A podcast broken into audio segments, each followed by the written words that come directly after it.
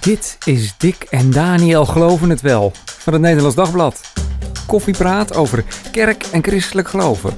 Met Dick Schinkelshoek en Daniel Gillissen. Welkom, leuk dat je luistert. We gaan deze podcast praten over de zogeheten Asbury Revival. Een opwekking die gaande is in de Amerikaanse staat Kentucky. En we gaan erover praten met twee gasten. Evangelisch voorganger Jan Pol en theoloog uh, Laura Dijkhuizen, uh, kenner van de evangelische wereld. Hartelijk welkom allebei. Dankjewel. Dank. Maar Dick, we eerst even naar uh, Asbury Revival. Wat is dat precies?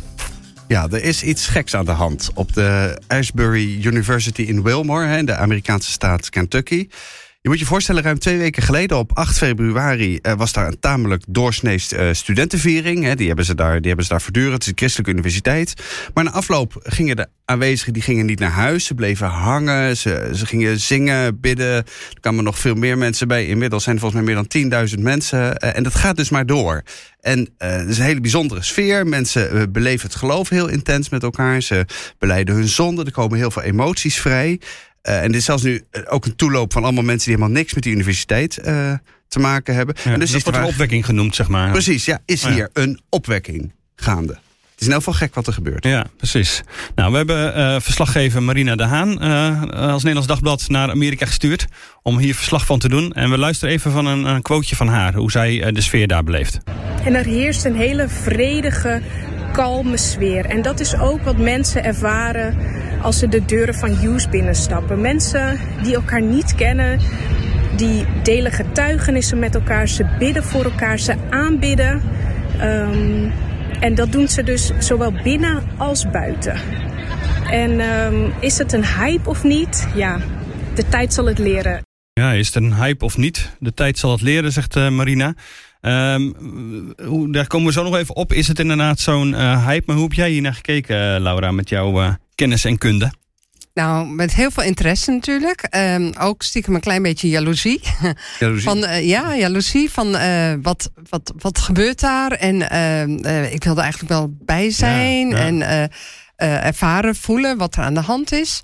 Um, natuurlijk ook met mijn, mijn ogen rondom het kennen van opwekkingen in de evangelische Pinksterbeweging. Ja. En, en is dit ongeveer hetzelfde of niet? Of moeten we verder terug? Want er wordt eigenlijk naar verder teruggegrepen naar awakenings en zo. Ja. Um, uh, is, is, dus, dus het lijkt anders dan wat we van recent kennen, van zeg maar de afgelopen decennia. Waar, waar, waar ook wel uh, grote aanbiddingsleiders, uh, Mhm. mm -hmm. bekende namen, manifestaties en zo allemaal zijn. Uh, het, lijkt, het lijkt wel meer op wat we zouden noemen de awakenings van een paar eeuwen geleden. En dat komen, vind ik wel interessant. Er komen ja. allerlei termen voorbij waar we zo nog wel even op ingaan. Maar, van awakeness en opwekking en, uh, en revivals. Maar, maar heb, jij niet, uh, ja, heb jij niet overwogen om het vliegtuig te pakken? Mm, nee. Het is toch een ontzettend mooie kans om als wetenschapper daar naartoe te gaan en veldonderzoek te doen. Ja, ik zag dat Marina ging. Ik denk, zij gaat ons zo goed op de hoogte houden. Ja. En uh, nee, ik had het misschien best gewild, maar die mogelijkheid zag ik niet. Nee. Ja, ah, jammer. jammer maar anders dan nog wat zeg je dan de afgelopen uh, decennia en het gaat eigenlijk naar verder terug. Komen we zo nog even op wat dat precies betekent. Jan, hoe heb jij er niet naar gekeken? Ja, met hele grote interesse. Ja. En uh, ik heb zeg maar de afgelopen vier dagen af en toe wat flarden gekeken. Ja. En omdat ik gewoon een heel druk schema had. Ja, je, kon, je kon meekijken live. Je kon, je kon meekijken, kijken, dat is interessant. En ook getuigenissen ja. gezien. En uh, gisteravond dacht ik van nou, voor, voor deze avond, ik, ik moet me even goed uh, het, het, gevoel hebben wat, wat daar zich afspeelt. En uh, dus ik heb echt een paar uur zitten kijken, ook naar getuigenissen. En op avond zat ik echt met tranen in mijn ogen. Ik vond het echt zo bijzonder hoe ik jongelui hoorde vertellen over wat er gebeurd was met hen. Hoe, hoeveel liefde er voor God in hun leven kwam. Hoe, uh, hoe zonde uit het leven is, is weggedaan. Ja, wat, Dus wat, ik, wat, eh, wat heb je concreet gehoord? Wat, wat, wat, wat vertellen mensen dan? Ja, dat ze dus echt, uh, zeg maar, uh, bewust werden van, van zonde in hun leven. Ik, ik, ik las ergens op, op uh, dat vond ik een van de mooiste. Mm -hmm. las ik op sociale media. Een jongen, Joshua, 22 jaar. Die zegt, eigenlijk voelde ik me geestelijk heel arm. Als een zinkend schip. Ik schreef in mijn dagboek kort geleden dat ik het middelmatige protestantisme, protestantisme beu was. Ik wilde vrijheid. Ik verlangde naar vergeving van mijn zonde, naar een geestelijke doorbraak in mijn leven. Maar ik voelde ook dat de wereld mij verleidde en wegtrok van waar ik ten diepste het meest naar verlangde. Nou, deze jongen, deze Joshua, heeft echt zeg maar, een ontmoeting met God gehad. En dat heeft hem echt diep, eh, diep geraakt. We moeten ook afwachten wat het uiteindelijk in zijn leven doet. Maar op dit moment Is het voor hem eh, veel is het voor hem, ja, heeft het Ja. heel veel betekend. Want het is natuurlijk wel bijzonder dat er gebeurt ergens iets. Hè? Dick Schee eh, legt al een beetje uit hoe dat er dan ging. En dat, dat, dat jongeren daar niet mee weggingen. En dat we nu in Nederland daar Ja. al warempel over zitten te praten. Dat is Ja. eigenlijk wel een beetje gek. Ja, dat is natuurlijk de tijd waarin we leven. Hè? De wereld is heel klein geworden wat dat betreft. Ja. Door, eh, door, de, door de media, sociale media. Of is het toch ook inderdaad ook wel groot en toch wel anders dan wat je nou ja, gewoon eh, wekelijks kunt zien. Ik denk dat er meerdere facetten in zitten. Ik denk ook dat het heel fijn is om eens dit soort nieuws te horen. Hmm. Naast alle ellende die we juist ook de afgelopen weken weer hoorden. Dus, dus dat dat misschien ook wel meespeelt. Eh, van wat voor, voor nieuws is er? Jullie weten daar meer van ik. Je werkt hier. Ja. Eh, en, en wat wordt dan eh groots opgepakt? En ik vermoed dat dit een hele bijzondere tegenhanger is. Waarbij ik ook denk dat het gebed eh, eh, in deze tijd wel heel hard nodig is. Ja. Dus daarin eh, qua timing, en daar, ga, daar weet ik natuurlijk niks van. Maar, maar ik denk van, oh fijn dat er gebeden wordt. Ja. Eh, Ja. meer, meer dan dat we misschien wel zonder deze revival... of hoe we het dan ook willen noemen, eh, zouden hebben gedaan. Want hadden we Ja, het zonder sociale media of zonder live uitzendingen op YouTube ook eh, zo in de gaten gehouden? Mm, ja, maar later. Dan hadden we het later gemerkt. Ja, Ja. want, dat is meestal ja. zo. Ja. Want nu wordt wel gezegd, dit is zo ongeveer de eerste opwekking in de geschiedenis die je live vanaf de hele wereld eh, zo ongeveer kunt volgen. Dus ik kan me niet herinneren dat er eerder grote opwekkingen waren waar je met, met, met een livestream erbij. Dat is natuurlijk wel, Ja. dat is natuurlijk wel bijzonder. Dat is wel gek. Dat is wel, wel nieuw of zo. En ja, ik bedoel, Laura, wat jij zegt herken ik wel. Ik, ik denk ook dat er, is natuurlijk zoveel, ook, ook over de kerk, heel veel negatief nieuws. Mhm. Eh, veel verhalen over, over misbruiksschandalen, over eh nou, neergang, kerkverlating, die kerk dicht, die kerk dicht. En dan ineens komt dit er tussendoor. Dat heeft natuurlijk iets. Ja. Dat, ja, dat doet iets met... eh met eh, Geeft weer hoop, hè? Ook mensen, voor, ja, ook, precies. voor- ook voor de Het kerk in Nederland. Ja. ja. Mhm. ja, daar komen we ook nog even op wat dat inderdaad daarvoor zou kunnen, kunnen betekenen. Maar kan het inderdaad ook zijn dat het nu, eh, het, eh, nou, ja, eh, eh, wordt het inderdaad even, even groot. Dus er komen veel mensen op af. Er komen mensen uit, nou ja, eh, onze verslaggever uit Nederland, maar er komen ook mensen uit Brazilië en, en, en uit heel Amerika reisden inderdaad naar, naar, naar Wilmore of all places om, eh, om daar dan te zijn, dit mee te maken. Ehm, eh, hoe, hoe, weet je net, wat die vraag die Marina stelde, of dit een hype is of niet? Nou, je ziet dat mensen altijd op opwekking afkomen.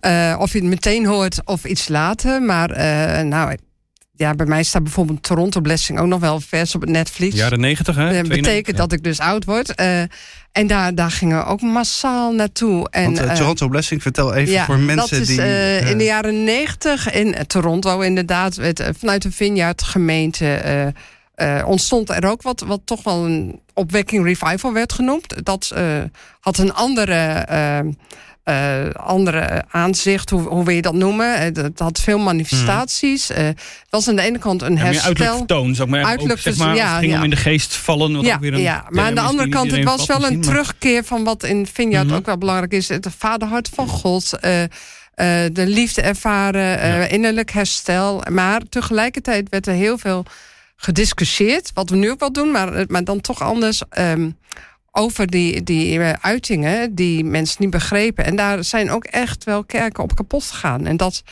dat staat mij nog wel eh, vers op het netvlies. Oh ja. En, eh, en dit, hier worden ook wel vragen rondom gesteld. Maar ik, ik vind dit een heel ander iets. Vind je niet, eh, Jan? Ik heb hier Ja, wel ja. een heel ander gevoel bij. ja, Het is niet heel, super, hyper charismatisch, toch? Wat ik er tot nu toe van Wat ik zie. gezien heb, is het, eh, is het inderdaad niet charismatisch. Het, het lijkt wat meer toch dan op de Pensacola-opwekking. Ja. Die was ook in de eh, eind jaren negentig. En daar lag het accent veel meer op, eh, op bekering, op zondebesef. Want, want leg even uit wat dat... eh, Ja, Pensacola was een eh, opwekking ook in een lokale kerk... waar eh een Steve Hill, een evangeliste, op een avond eh, sprak. En er werd al heel lang gebeden wel voor, eh, voor opwekking ook. En ja, op die avond gebeurde er hetzelfde wat, wat hier gebeurde. O- opeens ja, was daar een stuk beleving en eh, kwamen mensen tot geloof en bekering... tot eh, een nieuwe liefde voor God. Mhm. En dat heeft ja, een jaar of vijf geduurd. Er zijn eh, naar schatting zo'n 3 miljoen mensen zijn daar geweest uiteindelijk op die plek. Om daar te zijn. En eh, in die vijf jaar tijd zijn er uit mijn hoofd, ik dacht iets van 200.000 eerste keuzes gemaakt voor, eh, voor Jezus. Wat ze zeg maar bijgehouden hebben. Ja. Dus dat is een hele bijzondere opwekking ook. En dat lijkt hier meer op. Dus, dus veel meer het zondebesef, liefde voor God. Maar ook in Pensacola waren er geen extreme manifestaties. En daar hadden we in Nee. Toronto, ik ben in Toronto ook geweest. In Toronto Ja. was, dat, was dat wel zo. Ja. Ja, want, Ja. want hoe, hoe ontstaat nou zoiets? Ja, dan kun je natuurlijk zeggen dat is de Heilige Geest. Maar ik, ja, als journalist vraag ik dan ook meteen naar allerlei sociologische elementen. Van nou, wat is, wat is een voedingsbodem hiervoor? Hoe kan zoiets nou ineens zo baf uit de grond? Het eh, komt ook niet ineens baf. Nee, precies. Dat, dat hoopte ik natuurlijk ja, al. ja, ja. Een voedingsbodem is altijd verlangen. Ja. En, ja. eh, en verlangen uit zich op verschillende manieren. Meestal eh, in, in dit soort gevallen door gebed. Eh, aanhoudend gebed. Maar als je opwekking bestudeert, dan wordt er altijd gezegd: er is ook veel gebeden. Ook, ook eh, mensen die, die een belangrijke rol hebben gespeeld, zoals een Wesley of een Finney, dan staan er altijd. Zeggen ze altijd, ja, maar ik had een binnen, biddende moeder of ik had een biddende kerk. Het is altijd gebed, verlangen. Dat hebben we hier natuurlijk ook eh, gelezen en gehoord van eh, al jaren gebed. Eh, er was het verhaal van een, iemand die zei: vanaf het eerste jaar dat ik hier kwam, hoopte ik al dat wij hier ook een opwekking mee mochten maken. Want ze hebben het eerder ook Revival. meegemaakt. Ja, daar, in de jaren Een soort 70. Van, eh, Ja. opwekking. Ja, ja. En, nog, en nog een wat kleinere in 2006, begreep Ja, ik. Dat is ja. iets recenter, maar ook al best wel weer een poosje Ja. geleden. Ja, en iets, Ja. Daar, daar had ik niet van gehoord. Dus dat is Nee, niet nee. zo wereldwijd bekend geworden. Nee. Ehm, maar dat gebed en dat, eh, dat eh, ik denk ook even aan, eh, aan eh, Los Angeles 2006. Nee, niet 2006, 1906. Ja. Ja. Ja. Dat, eh, wat, wat eigenlijk bekend staat als de, de start van de Pinksterbeweging zoals wij die kennen. Of Ja. dat helemaal terecht is, is, is laten we even in het midden. Maar ook daar werd al jaren gebeden en gezocht. En vanuit, vanuit het, ehm, ja, wat we dan noemen de heiligingsbeweging, waar dit ook heel erg op lijkt, vanuit dat vrouwmoedige, het, eh, het jezelf toewijden aan God, het, het eh, heilig willen zijn en worden, dat ook eh, door gebed ontvangen, werd er ge- gezocht naar. Maar, maar God belooft ons meer. En daar is jaren voor gebeden. En, ehm, en dat, dat heeft een doorbraak gebracht op allerlei vlakken. Ja. En dat, dat vind ik hier ook wel op lijken. Ja. Eh, even los van dat het inderdaad niet zo pinksterachtig is. Maar dat was natuurlijk ook toen niet de bedoeling. Die, Nee. Dat pinksterachtige. En eh, dat hebben we la- later zo betiteld. Ja, klopt. Ja, toch? Maar, maar als, als mensen zo ontzettend graag willen. Ja, ik ga maar even aan de andere kant hangen. Dan kan het ook een soort self-fulfilling prophecy worden. Dat je. ehm, Nou, dat, dat is wel het geprobeerd toch- natuurlijk. Maar de, de geschiedenis leert dat daar geen opwekking uitkomt. Eh, ook in het Nederland. verlangen alleen bedoel Het je? Nee, dus, dus het, het is, het is tweeledig. Hè. Het is aan de ene kant het, het soevereine eh, handelen van God. Hè, die, die op een bepaald moment besluit om, eh, om op een plek dat te geven. En, en die connectie met, met gebed. Dus het, het is nooit alleen maar eh, dat wij kunnen bepalen van... Oh, als we nu zo lang gaan bidden bijvoorbeeld... hè, dan gaan we hier wel opwekking met elkaar krijgen. Dat zie je ook. Het is iedere keer weer een verrassing. Dus mensen verlangen ernaar, bidden ervoor. Maar je kunt het niet plannen. En soms is het na jaren, na decennia pas... eh, dat er opeens, ja, ik noem het dan, God verschijnt. Hè? De, de hemel raakt de aarde. Dat is wat je, wat je op dat moment ervaart. En dat, dat kun je niet maken. Je kunt geen opwekking afdwingen door s'morgens te denken... we gaan gewoon s'nachts, Nee. eh, we gaan lekker doorbidden. Dan Nee, zal er wel wat gebeuren. nee. Ja, dat je alle ingrediënten in Ja. en wat is Ja. het bij elkaar stopt. En Ja. dan. Is vaak wel geprobeerd. En er zijn natuurlijk ook eh, georganiseerde 24 uur gebeden zo geweest. Eh, ook in Nederland. eh, van allerlei eh, zaken. En dat, weet je, eh, aan de ene kant denk ik, als het al self-fulfilling prophecy is, dan denk ik, who cares? In dit geval. Ja. Dat Maar- moet je even uitleggen. Nou, want. Er gebeurt toch wat. Nou, ehm, eh, kijk, niemand zegt van we gaan een opwekking maken. Dat, dat is niet. Maar als, als je, als, vooral als jongere, ik weet nog toen ik ooit bijbelschool deed, dan ben je heel erg aan het zoeken en enthousiast. En dan gebeuren er ook wel zaken waarvan je echt in je enthousiasme. In, je enthousiasme, ik word er zelf nu ook weer enthousiast van. Ja, Eh, eh, eigenlijk gewoon nog, nog vanuit jezelf eh, in, in je gebed bezig bent. En, en dat. Hier zijn ook jongeren. En als het zo begonnen zou zijn, wat ik niet denk hoor, maar stel dat, dan denk ik, who cares? Want dan gaat het niet door, wat Jan ook zegt. Dan, dan is het gewoon een mooi moment, een mooie avond, of misschien zelfs een mooie week. En dat is het dan. Ja. Eh, maar wij als jongeren op de Bijbelschool ook. We jutten elkaar op. We gingen vasten en bidden. En we hadden het idee dat, dat, dat, we, nou ja, dat we God wel, wel even een kant op konden Ja. bewegen. En, eh, en dan denk ik, het past ook een beetje bij jongeren. Dat radicale, dat, uh, dat, dat zelf uh, in gang willen zetten, omdat ze het zo graag wil.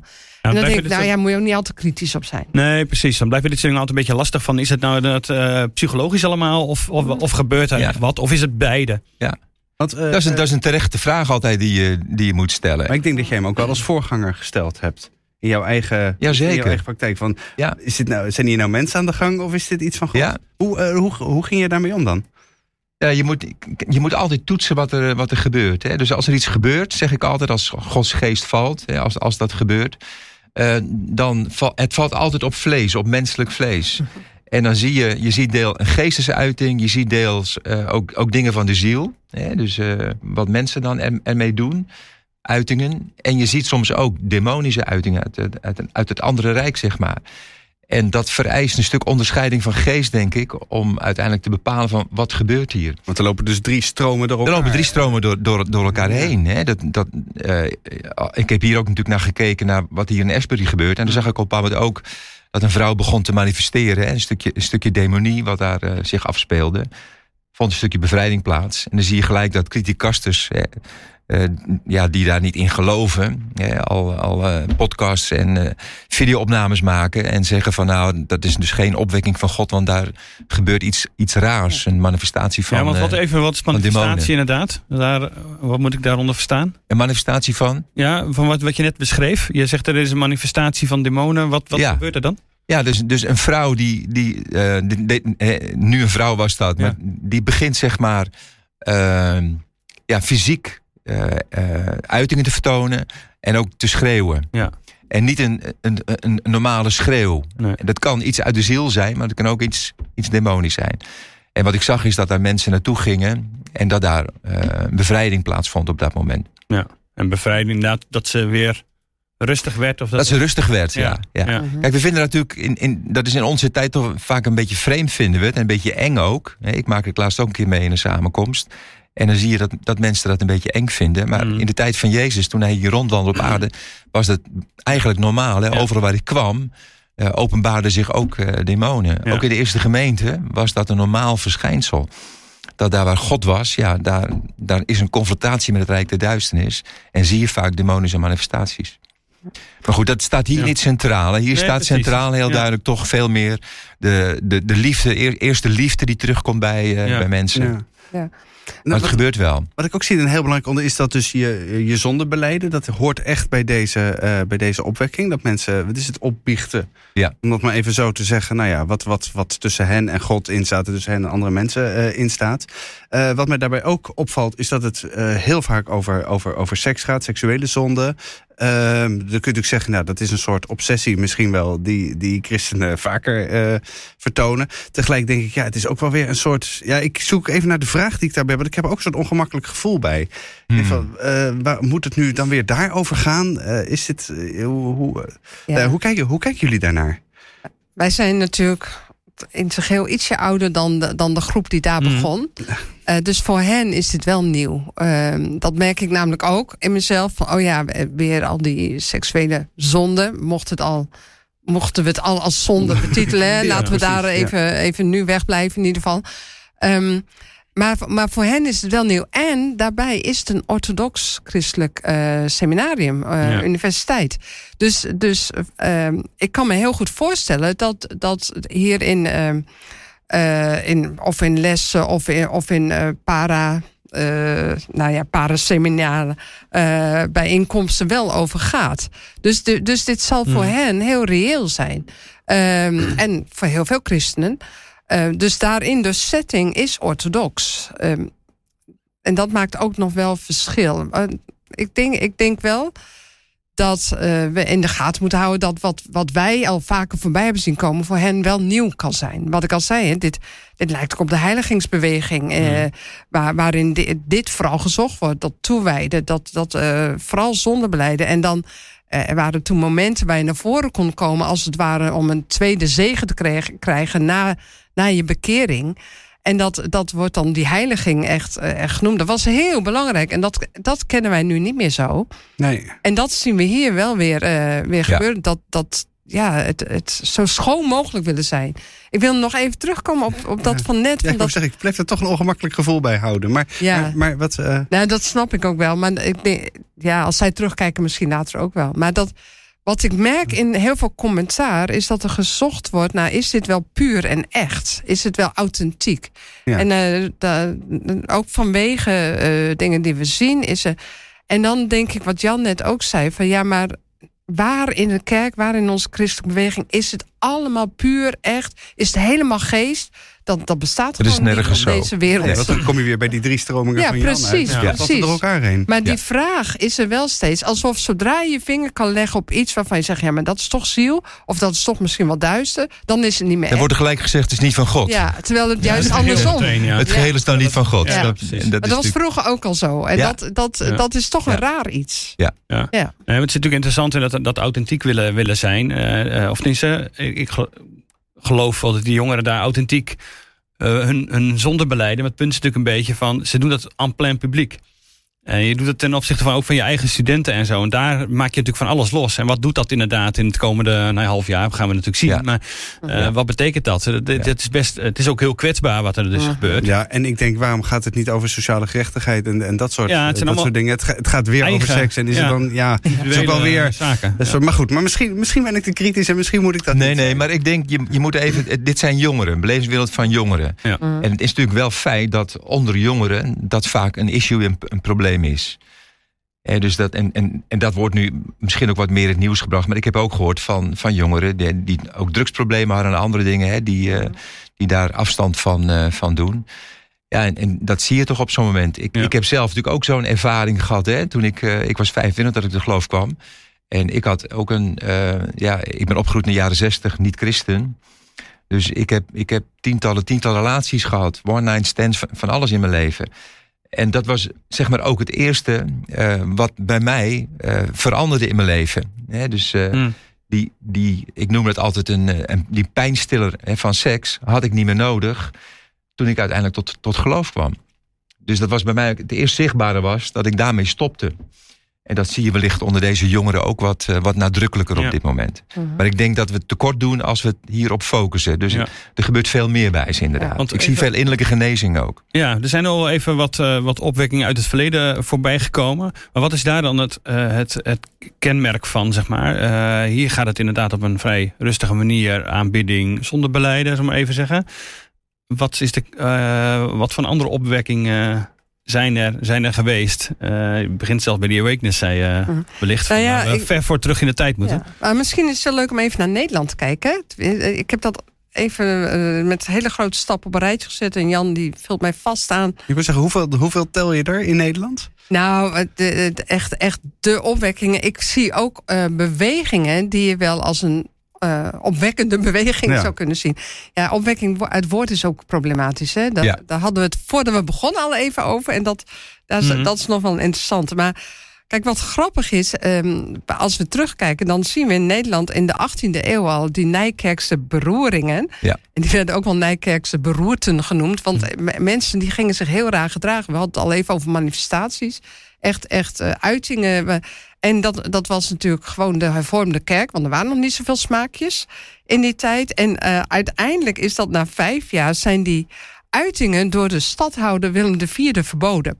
Dus dat, Ja, dat, de- dat, De had politie de heeft, overheid, heeft, heeft, Ja. heeft ingegrepen, ja, zeg maar. ja, want de- dus dat had wel echt impact. Je zou zeggen, geen social media, maar het, eh, Ja. het, het ging echt verder dan Nijkerk. Het duurde wel vijf Ja. jaar. Voor Ja. Ah, ja, precies. Ja, en dan net, daar kom ik ook meteen even terug, waarom niet, eh, niet eh, eh, gerechtigheid en al dat soort zaken. We hadden in de 19e eeuw de Revaille. Eh, en Ja, we kennen misschien nog wel de Revaille weken, hè, die daar eigenlijk eh, ook nog weer naar verwe- Mensen als verwijzen. Isaac da Costa, Beelden, Ja, het allemaal op de, Oh, de middelbare school gehad. Kijk, precies. Ja. Maar dat, dat eh, leefde uiteindelijk een organisatie op als tot heil des volks. Die zich toch wel Hmm. heel erg ook in gerechtigheid en onrecht beweegt. Dus dat, dat, dat kan wel degelijk voortkomen uit ja, een opwekking, als we het dan even, even het woord zo houden. En eh, nou ja, dan een grote eh, stap. Ik, ik kom dan in de jaren 50 bij, eh, bij Osborne Ja. in Malieveld. Dat ging tien dagen door, het Hollandwonder.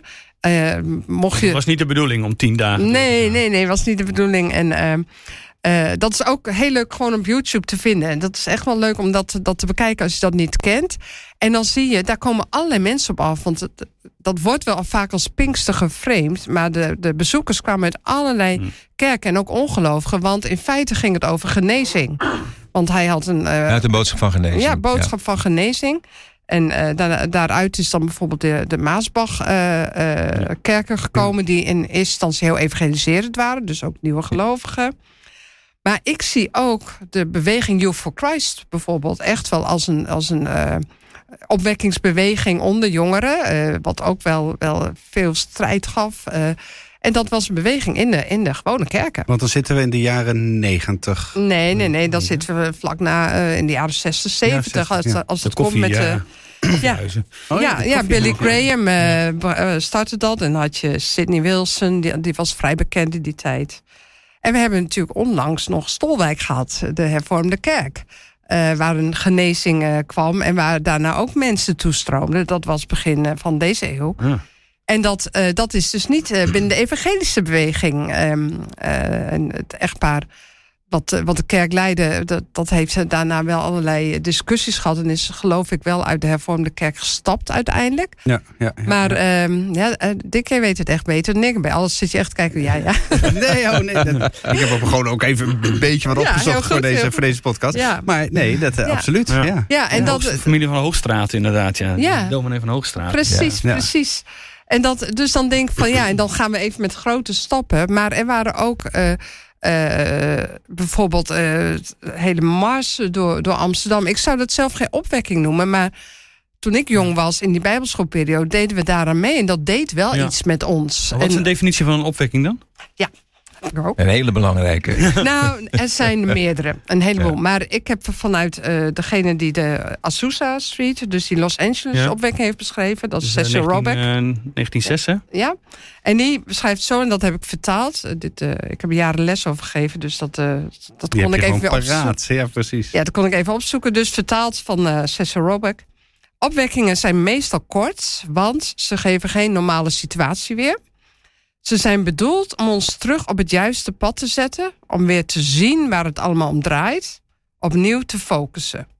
Een vernieuwing, ontwaken, een opstaan en daarna met hernieuwde kracht verder gaan met God. Dat is Robeck. Ja. Ja. Ja, dat jij ook echt ook in een het woord. Gaat maakt het eigenlijk heel klein ook, hè? Ja, vind ik. Heel, heel mooi. Ja. Hè, dus dat betekent niet dat alleen die grote opwekkingen opwekkingen zijn, maar het heel kleinschalig ook kan zijn. Ja, en dat het dus niet eindeloos eh, duurt. Het gaat niet eindeloos door. Eh, en Nee. eigenlijk zie je dat natuurlijk eh, in Wilmore bij de Asbury University ook. Dat ze eigenlijk hebben gezegd, ik vond het wel weer mooi, we maken het wel weer klein. Ja. En we gaan inderdaad voor de studenten verder. Het is niet de bedoeling dat hier tienduizenden mensen Nee. naartoe komen, want hier gebeurt het alleen maar of zo. Het is heel Ja. knap hè, dat ze dat doen. Ja. Ja. Is heel knap. Ze willen Een soort niet zelf, zelfbeperking. Ja, heel goed. En eh, ze willen niet vasthouden en ook Nee. niet onnatuurlijk door laten gaan. Nee. En eh, misschien achteraf is dit te vroeg. Of, eh, maar dat, ja, dit is, ik denk een verstandig besluit. Ja.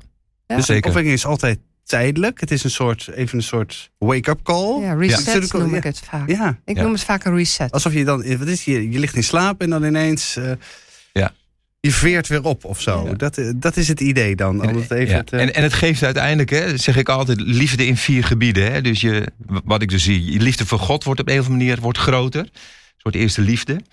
Eh, je liefde voor het woord, dat vind ik wel ook belangrijk. Hè? Dat, dat, je ziet altijd weer een opwekking dat mensen teruggaan naar de Bijbel. Hè? Dus liefde voor het woord van God. Eh, liefde onderling wordt, eh, wordt sterker eh, met een opwekking. Maar ook een liefde voor het verlorene. Mm. Dus in vier gebieden zie je eigenlijk wel bij opwekking... eh, liefde zie je, zie, je, zie je groeien. Ja. En nu verwees jij net, eh, Laura, terug naar de, de, de grote awakenings in Amerika. Er zijn er twee geweest volgens mij. Ja. Ehm, er wordt er vaak een onderscheid gemaakt tussen een revival, opwekking, of een, eh, wat is een awakening. Is dat, is dat een awakening, bedoel ik zeggen? Is dat een, is, is dat een geldig onderscheid? Of, Ja, ik zou awakening ook meer een beweging noemen. Eh, omdat, ja, Want bij een awakening wordt dan vaak gezegd van nee, maar dan heeft het ook impact op de samenleving. Dan verandert een cultuur. Ja. De samenleving wordt anders. Dus natuurlijk in Amerika is het echt twee keer heel erg gebeurd. In de 18e eeuw. Nou, kun je even toelichten 19e wat, wat er gebeurde daar, zeg maar? Eh, nou, Laura, je- jij bent nee. expert. Nee, ga jij is dat. Je hebt er twee gehad. Eh, De, de First en de Second Great Awakening. Eh, De First was, eh, de eerste was ro- rond 1730, 1740. Volgens mij een aantal tientallen jaren geduurd. En de tweede aan het begin van de 19e eeuw. En die hebben ook heel erg gewoon de Amerikaanse maatschappij... en ook de hele Amerikaanse volksgeest heel erg beïnvloed. Heel erg gevormd. En ook denk ik dat dat verlangen naar nieuwe eh, revivals... wordt ook heel erg gebeden voor een derde eh, grote, groot ontwaken. Ja. Eh, eigenlijk tot op, tot op vandaag. En kun je daardoor dat- zeggen dat daardoor Amerika zo eh, eh, christelijk is dan? Of tenminste, van naam minstens? Of eh, heeft dat... Nou, Laura, die moet, jij, die moet jij maar beantwoorden, die vraag. Dat weet ik niet. Nou, ik denk dat uit het tweede dat wel, wel meespeelt. Ehm, eh, maar als we naar de evangelicals kijken, dat, dat is natuurlijk wel een, een, een ingewikkelde. eh, ingewikkeld om zo'n lijn te trekken. Ja. Maar ik denk dat die tweede wel meespeelt in, in het evangelical zijn van, eh, van hedendaags. Ja. Ehm, maar eh, daar, daar heb je an- weer andere experts voor op, op dat vlak. Want durven we Ja. niet aan te wagen om dan de lijntjes te trekken. Nee, helemaal naar de samenleving en de politiek toe, zeg maar. Dat is, Maar, eh, maar om nou ja. te zeggen op je vraag van die, die scheiding tussen re- een revi eh, of, eh, of een revival eh, en een awakening. Eh, er zijn ook wel andere eh, situaties geweest in Wales. En, eh, waarbij, waarbij je echt ziet, dit heeft invloed. Enorme op- impact, ja. ja, en ook als kerken weer vol worden. Mhm, mhm. Eh, dat heeft natuurlijk ook impact. Want aan de ene kant kan je denken, ja, maar eh, het gaat toch niet alleen maar om zieltjes winnen. Maar als iemand besluit, ik ga bijvoorbeeld weer naar de kerk. Want vaak, en dat werd ook genoemd rondom Asbury, van ja, het zijn toch al christenen. Ja. Ja, klopt. Maar, da, maar, dan, eh, maar als, als iemand zich opnieuw toewijdt, gaat hij ook weer anders leven. Anders om met zijn, eh, in zijn huwelijk of, of, of met zijn kinderen. En, en dat, dat eh, moet gewoon impact Ja, hebben. Dat, ja. moet, dat, dat merk je, maar misschien niet altijd in het nieuwe gelovigen.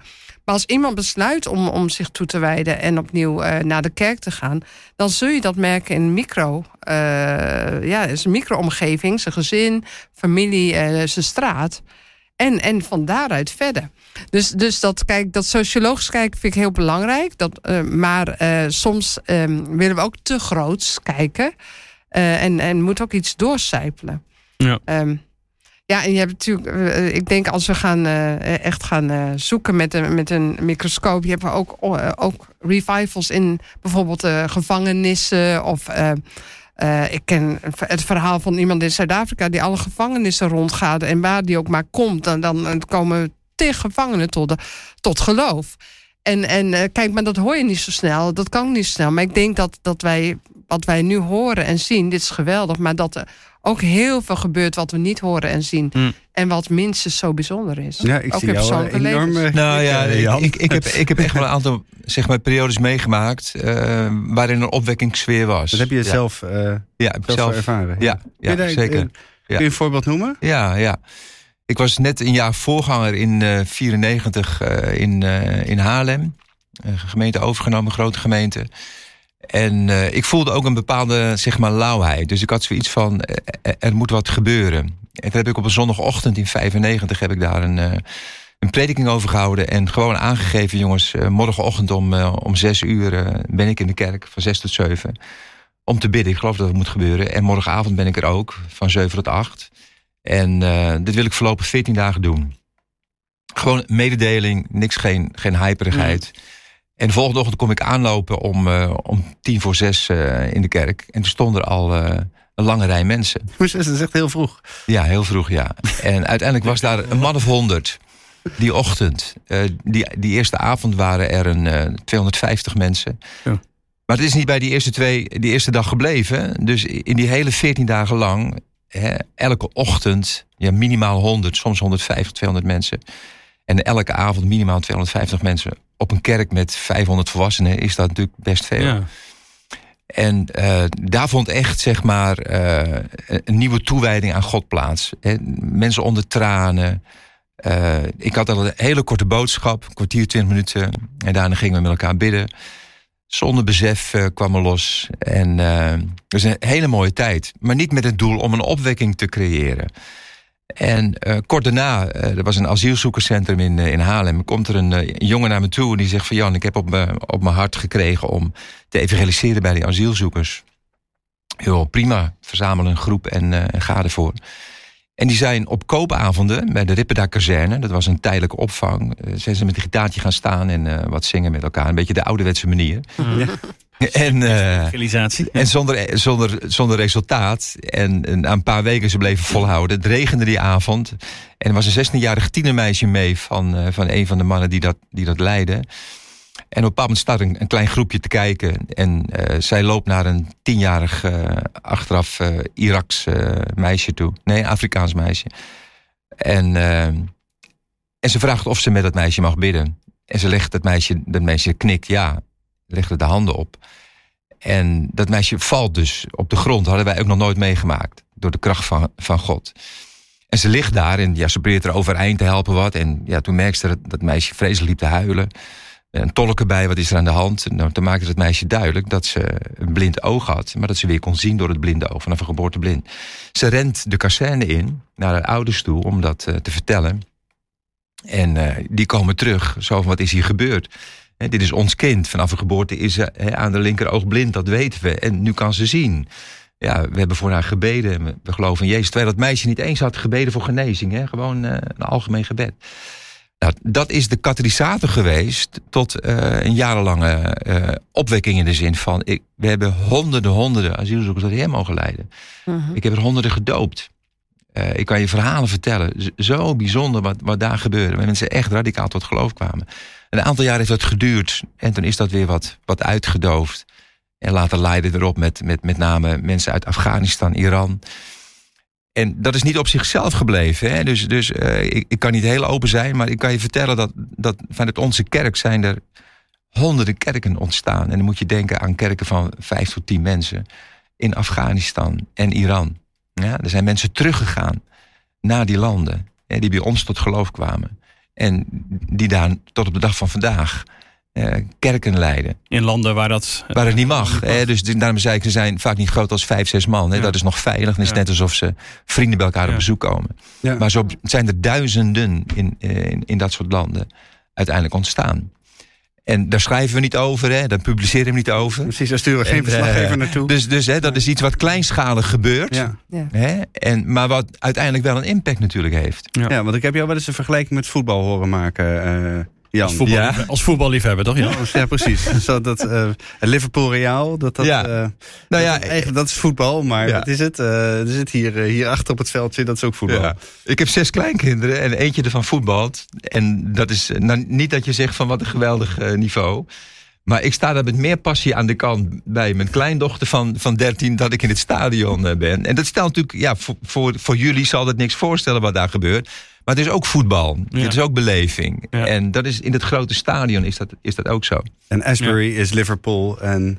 Ja, nou ja, dat moeten we nog afwachten of, het, of dat het wordt. Maar dat zou, dat zou heel goed kunnen. Real dan in deze vergelijking. ja, de uitslag denk ik niet. Nee. nee. Toch, uh, Jan? Anders is er iets. Nee. Uh, maar ook dat gaan we meemaken. Ja. Het was 5-2 voor de Real. Ja. Oké. Okay. nog even over die, uh, want die vergelijking maakte je, Laura, aan het begin al even. Van hier is geen grote aanbiddingsleider of zo. Hè? Wat de laatste tientallen jaren dan als je voorbeelden hebt. Ik moest zelf aan uh, ook even graven. Maar ik dacht, oh ja, tot Bentley 2008. Ja, ja, ja. Ook zo'n soort genezings... Oh. Uh, heel veel deining gegeven. Ook veel discussie. Um, ook in de Amerikaanse... Ja, vooral, vooral rond genezing uh, gebeurde daar. Um, hoe bijzonder is dat dat dat inderdaad nu zonder zo'n aanbiddingsleider is. En dat ze zelf ook nu als universiteit hebben gezegd... ja, heel leuk dat jullie hè, aanbiddingsleiders uh, all over the world boden zich aan... om daar uh, de diensten voor te ja. gaan. En zeiden nee, bedankt, wij doen het gewoon uh, zelf. Ik denk dat heel, een heel verstandige keuze is. Want zo'n opwekking kan ook gekaapt worden. Ja. Um, ik zeg niet dat, dat de mensen zich aangeboden hebben dat in gedachten hadden. Het kan echt uit, uit echt dienstbaarheid, hmm. liefde zo zijn. Um, dat, ik vind het heel bijzonder. Uh, omdat het dan toch wel puurder blijft. Mm. En, dan, en niet zozeer van nu is het meer van de geest, maar puur ook voor de jongeren zelf. Want, want uh, hoe geweldig is het dat jij daar gewoon voor staat met je eh, misschien wel achterveldje eh voetbalworship. Mhm. Eh, maar maar dat, dat daar toch 10.000 man op afkomen. Ja. En, dat, eh, en, en eh, ja, dat, dat heeft een heel ander effect. En ook op de jongeren zelf. Dan wanneer er toch mensen ingevlogen waren. Trouwens, ik begreep dat tot ben die wel geweest was. Of in ieder geval wilde komen. Eh, maar daar weet ik het fijn niet van. Maar dat, dat begreep ik. Ehm, het, het, het kan allebei. Hè. Soms komen er mensen, eh, gaan er mensen naartoe voor opwekking. En ik denk bijvoorbeeld ook aan, aan eh, Nigeria. Hè. De, de synagogue. eh, Ja. Nou ben ik toch, Joshua. Ja, ik Ja. wou net zeggen, dan ben ik toch zijn naam kwijt. Dat is Ja. Maar dat, dat is ook een ongoing revival geweest voor jaren. Waar mensen echt naartoe gingen. Ook bekende namen die dan terugkwamen. En, en dat, Ja. eh, dat is het bekende verhaal van Ouweneel Ja, natuurlijk. precies. die daar was. Ouweneel. eh, Ja. ja. En dat, eh, het, het, hoeft natuurlijk niet fout te zijn, maar in dit geval zo onder jongeren Ja. op een universiteit. Ja. Denk ik van nou heel. Ik vind sowieso wat ik ervan lees en zie, dat, dat de leider eh, en directie, leiders van de universiteiten echt heel goed mee omgaan. Ja. En Ik vind ook heel veel- beschermend. Ik vind heel veel parallellen met eh, eh, begin 19e eeuw. Nee, begin 20e eeuw, 1904 was dat. Opwekking in Wales. Dat Ja. begon ook onder jonge mensen. Evan Robbins was, was een van hen. En dat was een groep van 19 jongelui die al jarenlang Mhm. ook bad. En daar daar begon een opwekking ja, die een ongelooflijk eh, effect ook heeft gehad. Mhm. Het Ook begon bij jonge mensen. Samenleving. En Evan vond het vreselijk als de, het, het, zeg maar het speerpunt op hem ook, eh, ook Ja. kwam. Dat, dat wilde hij niet. Een hele, hele bescheiden man was dat ook. Terwijl, terwijl aan de andere kant in Los Angeles was eh, Seymour, hè, een Afro-Amerikaan. En die zei: het podium is voor iedereen. En het maakt hem niet uit. Hij zegt: eh, het is de geest die dit leidt. Dus, dus, en eh, sommige mensen die, kwamen dat podium op en die gingen er tegen inpreken. En er, er is een verhaal bekend, want er is vrij goed verslaglegging gedaan. Dat, dat iemand was nog niet aanwezig, maar wel, eh, Nee, dat niet, maar wel een andere krant. Eh, Uh-huh. En, ehm, en eh, er is een verhaal dat, dat iemand die er flink tegen inpreekte... al, al preken dat dit toch echt niet kon, op de knieën ging. En, en, en, dat, en dat Seymour eh, ook, ook zoiets had van... ja, maar wie ben ik om te Ja. bepalen wie hier wat mag Laat zeggen? het maar gewoon gebeuren. Laat maar gewoon, ja. Ja. Dus eh, Ja, het is kan kracht- beide... Het is, hoor. Ja. het is per keer verschillend. Dus ik zeg Ja. ook niet van er mogen nooit grote namen bij. Nee. Eh, het- maar in dit geval van Asbury vind ik het heel wijs. Ja. En ik dacht Ja. inderdaad ook al aan Wales. Ik noemde het Ja. even heel snel tussen neus en lippen door. Maar Ja. ja, Ja. ja, Ja, dat ze hun mensen, hun studenten beschermen, ook een bepaalde, op een bepaalde manier. En ook, want wij dus, de, de, de, deed ook wel verhalen de ronde dat inderdaad allerlei organisaties ook al, wat is het, daarheen eh afreisden en onder de mensen die daar nu rondlopen ook eh, proberen te evangeliseren of in hun eigen club te trekken. Dat is natuurlijk wat er altijd gebeurt en wat het ook altijd, Ja. ik wou zeggen, dat zijn toch weer die drie stromingen dan. Ja. Mensen en God en de duivel en alles loopt Ja. door elkaar, goed en kwaad. Daar liggen gevaren heel duidelijk. Dat, eh, en dat, dat moet je als leider, en dat doen ze denk ik goed als, als leiders, eh, ja, moet je dat beschermen. Mhm. Tot slot. eh, we hebben een heel hoop eh, hier voorbij laten komen. Ehm, wat zijn de lessen als je dus nog wat specifieker naar Nederland kijkt... die we hieruit kunnen trekken? Zijn er dingen die we mee kunnen nemen... waar je als Nederlandse christenen van zou kunnen leren? Eigenlijk denominatie breed. Evangelisch, protestants, katholiek. Je denkt, hé hey, jongens, eh, dit is wel iets waar we ja, wat aan hebben. Mee kunnen nemen eh, in ons eigen Nederlandse christelijke leven. Hebben jullie daar eh, Ja. tips voor? Ja, het is natuurlijk, eh, denk ik, bij mij tenminste, maar ik denk bij heel veel mensen in Nederland, is het ook een diep verlangen dat we hier ook weer een opwekking mee maken. Ik zeg altijd, elke generatie heeft zijn opwekking nodig, zijn grote opwekking. Hè, zoals Osborne heel veel effect heeft gehad uiteindelijk. De kerk waar ik die geleid heb, is, is ook ontstaan vanuit, eh, vanuit Osborne. Ja, 60 jaar 50, daar ja. verder. Ja. En er zijn heel veel kerken uit, uit ontstaan. Ja, ja. Hè, dus, dus, eh, en er is een hele generatie die, die dat niet heeft meegemaakt. Dus mijn gebed is al jarenlang van Heer, hè, eh, laat er een, opnieuw een opwekking eh, plaatsvinden. Als we kijken naar de leegloop van de kerk, ik bedoel, eh, de realiteit leert ons. C- Het CBS heeft jaren geleden al voorspeld dat als de neergang doorgaat in 2040, de laatste gelovige de deur sluit hè, van de kerk. En dat zijn allemaal trieste cijfers. En wat ik steeds merk is dat we eh, proberen met allerlei mooie strategieën en nieuwe ideeën proberen die kerk levend te houden. Maar ik geloof echt dat we op onze knieën moeten. Ja, dat, dat, dat het de enige is wat uiteindelijk zal werken. De kerk moet gewoon kerkbreed, katholiek, protestant, charismatisch. We moeten met elkaar op de knieën en beseffen. Eh, we hebben gewoon een nieuwe uitstorting van Gods geest hebben nodig. Zoals wat daar nu gebeurt in Asbury. Dus daarom heeft het mij enorm. Ja, ik, ik, ik werd er zo blij en ontroerd van. Ik denk van, heer, ook in deze tijd is dat nog steeds mogelijk. En uh, we maken tegenwoordig natuurlijk heel veel crisissen mee. En dat is natuurlijk niet leuk. Hè? Dus ik ga, ik ga niet zeggen van wat, wat geweldig. Maar uh, ik ben wel een beetje blij mee. We hadden het gewoon te goed met elkaar. Dan hebben we God niet nodig. Weer, ja, precies. Bepaalt ons wel weer bij ja. het leven niet maken. Ja. Mm. En, en dus, dus ik, ik hoop dat, dat die roep, die schreeuwen komt van Heer. Ja, laat er zo'n opwekking in ons land komen. Wilt u de kerk weer tot, tot leven brengen? Bid met z'n allen. Bid met z'n allen, ja. Dus dat is wel... Uh... Laura? Ja, ik kijk naar de beweging die inderdaad gaande is. Uh, de kerk uit, maar bijvoorbeeld wel op zoek naar uh, bezinning, naar spiritualiteit. Um, dat, dat is een heel ander soort uh, zoeken. Uh, maar het is wel een zoeken naar iets wat betekenisvol is. Ik ben zelf ook gaan pelgrimeren. Uh, gewoon een week vorig jaar en dit jaar weer een week. Om, om gewoon op een andere manier iets te zoeken. En dus ik ben ook wel benieuwd, even aansluiten bij Jan, want dat, dat, kan ik echt onderstrepen, maar aansluitend hoe die beweging kan leiden tot een verdieping van geloof en wat dat uitwerkt. En of dat, ik vermoed niet dat we dat opwekking gaan noemen. Um, maar, de, maar die beweging vind ik hmm. wel interessant als we het hierover hebben. Want dat is namelijk ook verlangen. En dat is ook zoeken. En dat is ook verstilling. Is en dat individueler is, dan? Of, uh... Ja, kan. kan. Mm. Uh, maar het is een individuele misschien, maar wel een grotere groep die, ja. dat, die dat echt zoekt. En dat, um, ik vind dat ook een mooie beweging. Die, uh, die buiten de kaders gaat van, van wat we nu kennen. Die ook kerk over, muren overschrijdt. Ja. Um, dus daar ben ik, uh, kijk ik wel heel nieuwsgierig naar. En ik merk zelf, uh, toen ik vorig jaar die pelgrimage liep... en het eindigde voor ons op, uh, op Goede Vrijdag... maar op Witte Donderdag kwamen we aan Den Bosch. Ik was gewoon in Nederland, klooster naar klooster. Mm -hmm. En we, kwamen, we gingen in het stadsklooster Den Bosch... schoven we aan bij het avondmaal... en dat stadsklooster is open voor verslaafde daklozen en zo. Hè. En dan komen wij met onze hele plunjezak hè, en, uh, en uh, kapotte voeten, want we hadden echt veel te ver gelopen en verbrand gezicht. En, en, uh, en dan wordt het met en veel wierook en, en je zit tussen alle verslaafden. En ik heb er toch een potje lopen janken. Echt waar, dat ik dacht van wow, dit raakt mij zo enorm. We gingen ook op de knieën, want dat is, dat is mm. vrij normaal. En dan denk ik, wie verwacht dat nou? Ja. En dan, ik had vijf dagen gelopen en ik denk van ja, is dat nou een opwekking in mezelf? Ach, dat weet ik niet. Het is ook emotie. Ik ben ook moe. Mm. Uh, en het, uh, er gebeurt iets wat, wat andere zintuigen prikkelt. En toch ben ik ook benieuwd naar die beweging. Ja. Waar, waar, gaat dat heen leiden? Dus uh, dat als tegenhangen misschien. Mooi.